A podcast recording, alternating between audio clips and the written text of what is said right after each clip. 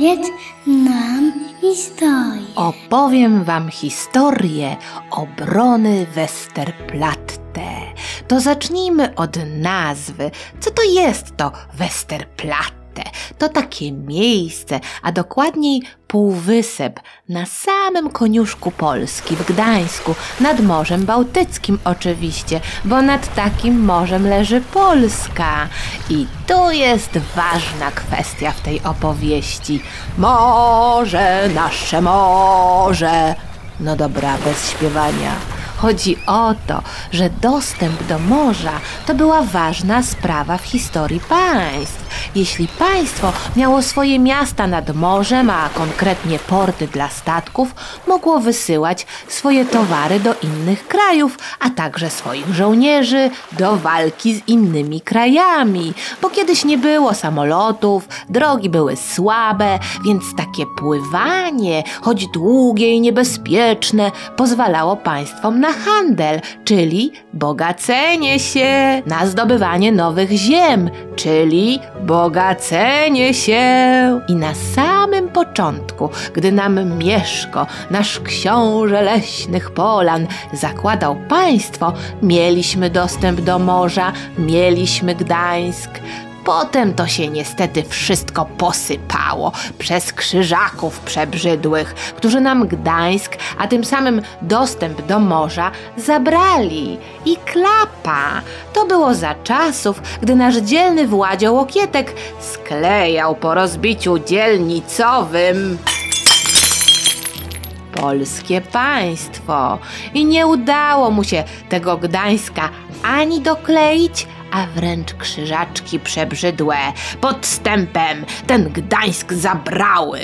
Potem jego syn Kazio Wielki próbował to naprawić, ale mu nie wyszło. Tak samo Władzio Jagiełło, co w tej sprawie bitwę pod Grunwaldem zwyciężył. Gdańska nam tym nie załatwił. I dopiero inny Kazik, syn Władzia Jagiełły, zwany Jagiellończykiem, po długiej wojnie, bo trzynastoletniej, odebrał Gdańsk krzyżakom. Hurra! Mamy morze, nasze morze! A miało być bez śpiewania. I mieliśmy je długo. Dzięki niemu Polska, zwana wtedy Rzeczpospolitą obojga narodów, się bogaciła, bo mogła statkami wysyłać zboże w świat. Te dobre czasy skończyły się, gdy nam się skończyła Rzeczpospolita obojga narodów, gdy trzy państwa zrobiły sobie z naszego państwa i poodcinały nam po kawałku tak, że nic nam nie zostało. Polska została rozebrana i znikła z mapy świata na 123 lata. Ale nie znikł Gdańsk i morze, po prostu należało do jednego z tych państw, tak zwanych zaborców, do Prus. I mieszkało tam coraz więcej Prusaków, czyli Niemców. Na szczęście udało się Polsce odzyskać wolność i swoje miejsce na mapie dzięki I wojnie światowej, bo gdy się skończyła, różne ważne państwa ustaliły w Paryżu, w Wersalu, tak zwanym traktacie wersalskim, że Polska ma być wolna i że ma mieć dostęp do morza. Hurra! Oj, ale zaraz, zaraz, bez Gdańska, bowiem ważni panowie, zwłaszcza ci z Anglii, nie chcieli, żeby Niemcy się za bardzo wściekali o zabranie im Gdańska, superfajnego miasta, z portem, więc ustalono w tym Wersalu, że Gdańsk będzie sobie takim wolnym miastem, ani polskim, ani niemieckim, tylko swoim. I jakbyście spojrzeli na starą mapę Polski, tą po pierwszej wojnie, to byście zobaczyli, że mieliśmy taki kawałek, można powiedzieć, korytarz do morza, wciśnięty pomiędzy ziemie niemieckie. Ten zwrot polski korytarz wymyślili Niemcy, dlatego niechętnie go używam. No ale cóż, to był taki korytarz, na końcu którego był Gdańsk, nie polski i nie niemiecki, ale co ważne, w Gdańsku mieszkało wciąż mnóstwo Niemców.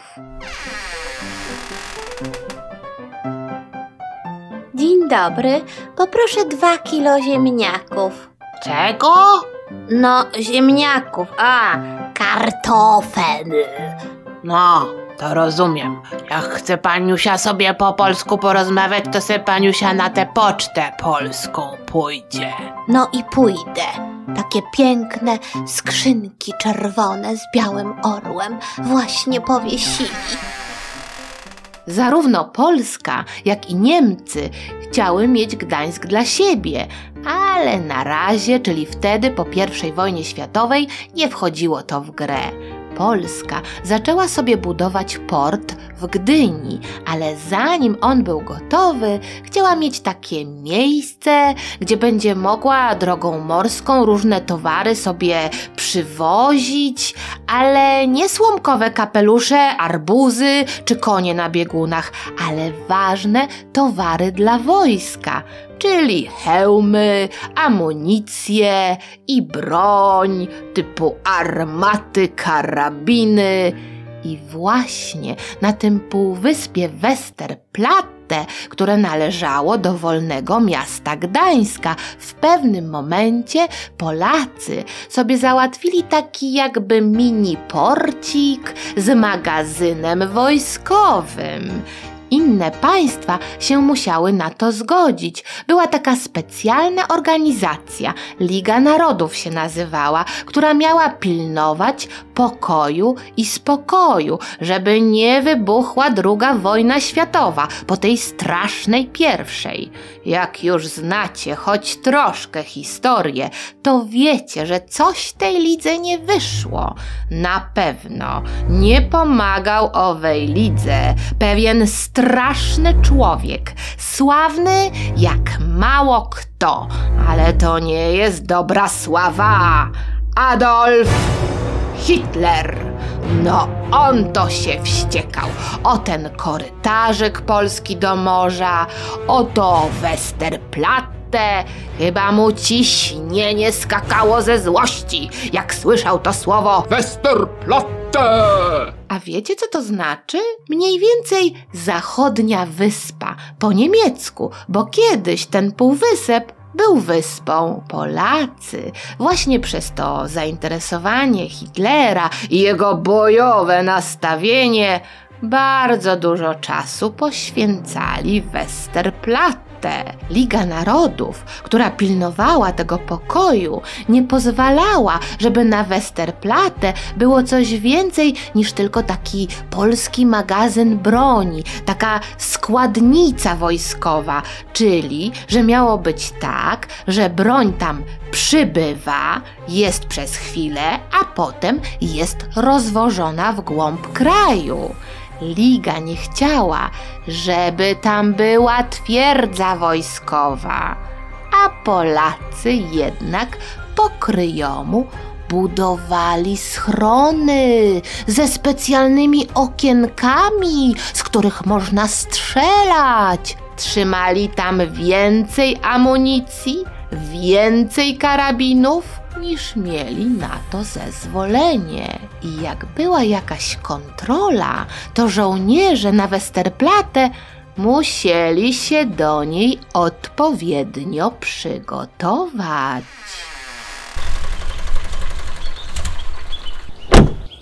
Dzień dobry! Przesyłka dla Westerplatte! Gdzie wypakować? No nie wiem, szef nic nie mówił. A co to jest? A już otwieramy ciężaróweczkę, proszę bardzo. Co to jest? No co pan? Ślepy?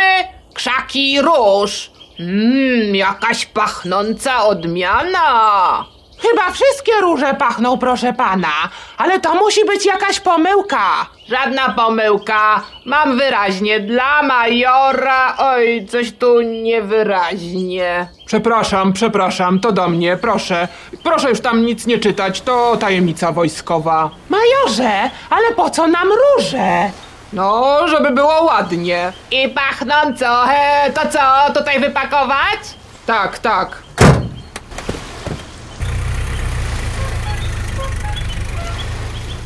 Uff, trochę tego jest. A ty szeregowy przynieś łopatę, będziemy sadzić. Ale gdzie? Jak? Po co? No tutaj, żeby zasłonić te otwory z karabinami. Ale ciii, jutro kontrola od Niemców z Gdańska.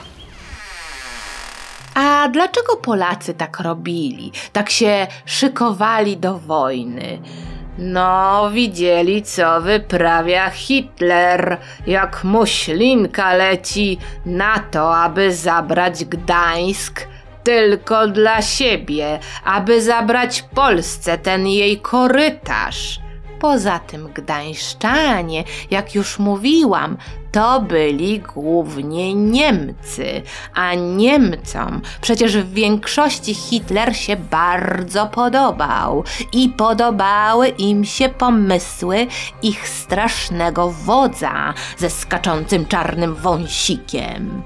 I było tak, że polski rząd, polscy szefowie wojskowi czuli, że może być wojna, albo że chociaż ten Gdańsk się zbuntuje na to Westerplatte i po prostu tę swoją składnicę wojskową szykowali do obrony. Tam zresztą zawsze byli najlepsi polscy żołnierze. Można powiedzieć, że służba na Westerplatte to był zaszczyt, gdy Hitler w pewnym momencie zabrał Litwie kawałek z morzem, czyli naszemu bliskiemu sąsiadowi. Wiadomo było, że Polska będzie następna. Było lato 1939 roku, wyjątkowo piękne i upalne. Ludzie kąpali się w morzu, rolnicy narzekali na suszę, a szef Westerplatte, major Henryk Sucharski się nazywał, zaczął szykować się do obrony wymyślił, gdzie ustawić armatę, którą mieli. To była taka stara armata rosyjska. Żołnierze mówili na nią babcia. Major Henio też kazał powycinać drzewa w niektórych miejscach, żeby było lepiej strzelać. Hitler już wiedział, że napadnie Polskę. Ten jego plan napadu na nasz kraj nazwał Białym Planem. Wymyślił, że zaatakuje Polskę i z nieba, i z morza, i z lądu, i bardzo szybko ten napad z morza to miał być między innymi uderzeniem na nasze Westerplatte. Hitler czekał, żeby coś się wydarzyło takiego, co pozwoli mu zacząć jego wymarzoną wojnę, w której zdobędzie Gdańsk, polski korytarz, całą Polskę, a potem, jak się okazało, niemal całą Europę. Führer! Tak się zwracano do Hitlera. Führer, Hitler! Kiedy zaczynamy? Moi ludzie są gotowi. No, ja bym chciał już! Ten mój biały plan, taki śliczny, prawda? Mój ukochany planik napadu na tę wstrętną Polskę, która nie ma prawa istnieć. Te wstrętne, nędzne Polaczki, ja... Führer, z całym szacunkiem, ja to wszystko wiem. To kiedy zaczynamy? A no, no nie wiem, nie wiem, czy te Francuziki i Angole nie będą Polski bronić. jak tak bez powodu zaczniemy. Może by jakiś polski spłynął tam, gdzie nie trzeba, a my byśmy wtedy mogli go zaatakować i byśmy powiedzieli wszystkim, że to ta wredna Polska, te wstrętne Polaczki, te robaki. Führer! E, no tak, tak. No, że Polacy zaczęli, a nie my. No też tak myślałem, ale te Polaczki takie grzeczne, nie można im nic zarzucić. No to musimy wymyślić jakąś sztuczkę. Ja ostatnio tego Homera czytałem, wiesz, to Grek taki z dawnych czasów i tam była taka super sztuczka z koniem trojańskim. Czytałeś? Iliadę? Homera? E, e, Homera to nie. No, jak ja mam pracować? Jak ja mam światem zawładnąć? Jak takie matoły wokół mnie? Niemcy wymyślili taką sztuczkę. Ich okręt wojenny został zaproszony przez Gdańsk na taką uroczystość, która miała na celu oddać hołd niemieckim marynarzom, którzy polegli w czasie I wojny światowej i byli pochowani w Gdańsku, czyli takie pokojowe wspominki. Tylko, że w tym okręcie byli ukryci niemieccy marynarze, broń. No to był taki właśnie koń trojański z historii wojny Troi z Grecją w starożytnych czasach. Ten okręt to był pancernik. Chłopcy pewnie wiedzą lepiej, co to znaczy niż ja, więc powiem tylko, że to był taki Wielki stalowy potwór, pływający z działami armatnimi. chyba. W każdym bądź razie nazywał się Schleswig-Holstein i zacumował w kanale portowym 150 metrów od Westerplatte. Pancernik miał tam stać tylko dwa dni, a potem dostać rozkaz ataku na Westerplatte o świcie. Według pierwszego planu Hitlera wojna miała wybuchnąć 26 sierpnia 1939 roku i takiej daty byście się uczyli w szkole, ale 25 sierpnia Polska i Wielka Brytania zawarły taki sojusz, w którym sobie oba państwa obiecały, że będą się bronić, jeśli ktoś w domyśle Adolf Hitler na nie napadnie, nawet jakby napadł ten ktoś na wolne miasto Gdańsk, które z tą Polską było związane ku irytacji Hitlera. Hitler się nieco zdziwił tym układem angielsko-polskim, trochę zdenerwował, ale chyba nie za bardzo, bo po prostu jedynie przełożył wojnę o kilka dni. I o czwartej czterdzieści pięć, niektórzy mówią czterdzieści siedem, ale rano pierwszego września pancernik zaczął strzelać w nasze Westerplatte.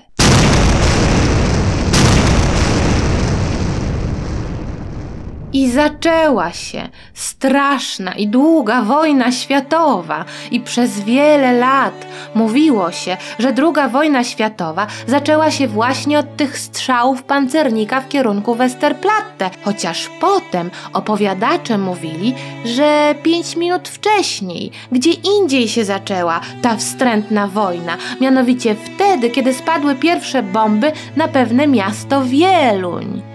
A nie będziemy się kłócić o pięć minut różnicy. Najgorsze, że się wojna zaczęła.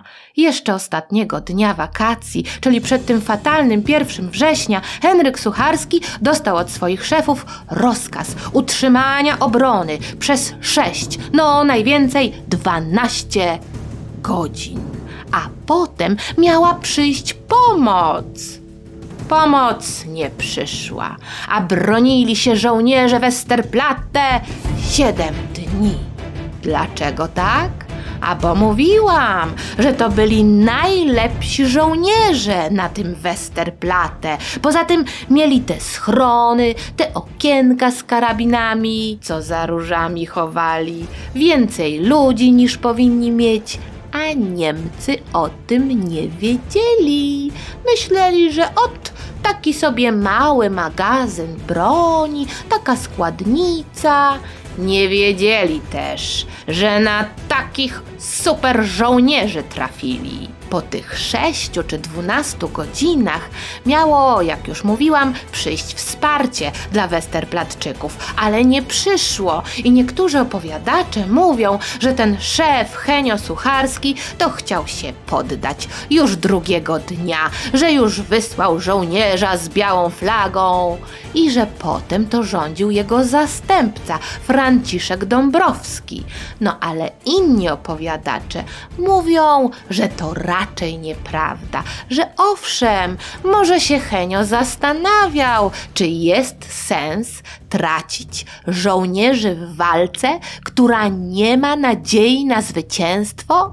Niemcy to byli wściekli i zdziwieni, że Polacy się nie poddali od razu, bo ich szefowie im powiedzieli, że jak przed tą piątą rano zaczną strzelać z tego swojego konika trojańskiego, znaczy się pancernika, to szybciutko zdobędą Westerplatte i sobie pójdą na śniadanko do Gdańska.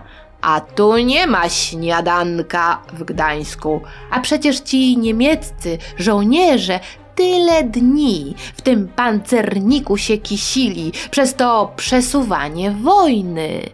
A dobrze im tak, za to, że wojnę zrobili. Wojna jest zła i niepotrzebna. To chyba wiecie. I jeszcze tym Niemcom Polacy zaczęli się jawić jak jakieś super leśne stwory, co strzelają siedząc na drzewach. Bo echo tak się niosło od tych wystrzałów, że im się pomieszało w głowach. W ogóle słabo szło tym Niemcom. Jak na to, że mieli sporo więcej żołnierzy, karabinów i samolotów, bo jeszcze 2 września zrobili nalot samolotami, strzelali w koszary naszych Westerplatczyków. Wszyscy myśleli, że o, teraz to Niemcy puszczą się szturmem na Westerplatte i je zdobędą. A oni nie. Cisza. Podobno nie mogli się tam dogadać ze sobą, jak to zrobić. No i jeszcze tych leśnych stworów się bali. A może myśleli, że Polacy się poddadzą? Każdym bądź razie obrona Westerplatte stała się ważnym symbolem dla Polski walczącej wtedy już wszędzie z Niemcami, którzy wleźli nam do kraju swoją wojną błyskawiczną i jeszcze samolotami nam bombardowali miasta, szpitale, drogi, domy, ludzi. Polacy w całej Polsce wstawali rano przez te kolejne sześć dni i pytali, czy Westerplatte się wciąż broni? Dlatego po wojnie, gdy to miejsce już należało do Polski, nie zmieniono tej niemieckiej nazwy na żadną polską.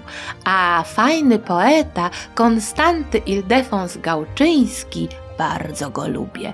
Napisał taki piękny wiersz, który mi jeszcze bardziej rozsławił Westerplatte.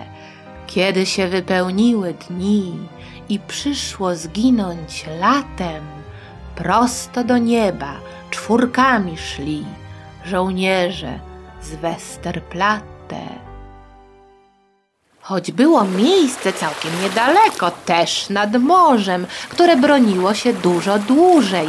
Hel, oni tam to pobili rekord, bo walczyli z Niemcami 32 dni. Poddali się w innym miesiącu niż wszyscy inni, niż Warszawa, bo dopiero w październiku. Ale wracając do Westerplatte, to szef Henio uznał, że nie ma sensu dłużej przelewać krew żołnierzy w walce, która nie ma szans na wygraną. Niemcy mieli możliwość dodawania sobie coraz to nowych żołnierzy, których by przywozili statkami, samolotów, które by zrzucały coraz to nowe bomby, a Polacy nie mieli takich możliwości. Nie dość, że urwał się kontakt z dowództwem, to dowództwo było tak zajęte tym, co się działo w całej Polsce, a źle się działo, że nie miało nawet czasu i siły pomagać Westerplatte. Dlatego major Henryk Sucharski postanowił 7 września iść do Niemców i powiedzieć: Okej, poddajemy się. Bo pomyślcie, czy był sens bronić dalej tego polskiego kawałeczka w już niemieckim mieście Gdańsk, tak, żeby zginęli wszyscy żołnierze, a Westerplatte i tak by zostało zdobyte przez hitlerowców. Cała Polska tak się dzielnie broniła wtedy w tak zwanej kampanii wrześniowej i myślę sobie, że co i raz jakiś szef wojskowy zadawał sobie trudne pytania. List jakiegoś szefa wojskowego z września 39 roku, wymyślony przeze mnie. Kochana Marysiu, żono moja najdroższa, piszę do ciebie, bo nie wiem, co będzie dalej, nie wiem, czy wrócę do domu, ale piszę też dlatego, że jak zobaczę te słowa na papierze, to może będzie mi łatwiej podjąć decyzję. Mam tyle pytań i nie mam komu ich zadać. To chociaż może tu, w tym liście, do mojej miłości życia, który nie wiem, czy dotrze. Moi ludzie walczą dzielnie, są naprawdę niesamowici. Brakuje nam broni, brakuje godzin snu, ale nie brakuje odwagi. Nie mamy kontaktu z dowództwem, łączność zerwana, podobno tak jest w całej Polsce. Tylko czasem możemy posłuchać radia na baterię i się z niego coś dowiedzieć. I te wiadomości, choć pełne zapału, mnie, wojskowemu, mówią, że Niemcy są już wszędzie, że podchodzą pod Warszawę, a nasi sojusznicy siedzą cichutko. Więc co ja mam robić? Kiedy się poddać? Czy teraz? Czy jutro? Czy za dwa dni? Już zginęło około dwudziestu moich ludzi. Jutro może być kolejne tyle. Ilu jeszcze moich wspaniałych żołnierzy ma zginąć? Na marne. Przecież i tak Polska przegra. Gdyby Anglia i Francja dały jakiś znak, to tak, będę walczyć z moimi ludźmi do końca, do upadłego, do śmierci. Duszko moja kochana, całuję Twe piękne rączki, ucałuj główki moich najdroższych dzieci. Twój na zawsze. Ale Anglia i Francja nie pomogły. Jeszcze w dodatku napadła na Polskę z drugiej strony Rosja, a przepraszam, wtedy to państwo się Związek Sowiecki nazywało i zaczęła się długa i straszna okupacja niemiecka i sowiecka. Polska zniknęła znów z mapy świata. Nie zniknęli jednak Polacy. Walczyli o wolność od Hitlera w wielu miejscach Europy, a także w Polsce, w której założyli niesamowitą, podziemną armię. Ale to już inne historie. Znacie je może? Jeśli nie, koniecznie posłuchajcie. A ja tymczasem dziękuję od serca moim patronom za wsparcie. Wasza obecność każe mi wciąż opowiadać. A oto najhojniejsi Tymek i Tobiasz Picheta, Basia i Michał Górscy, Artur Kaczmarczyk, Dominika Starczewska, Anna Szkotak, Martyna Miziniak-Kurzaj, Aleksandra Wrońska, Juliusz Glaser, patron anonimowy pierwszy, patron anonimowy drugi. Też możesz dołączyć do patronów.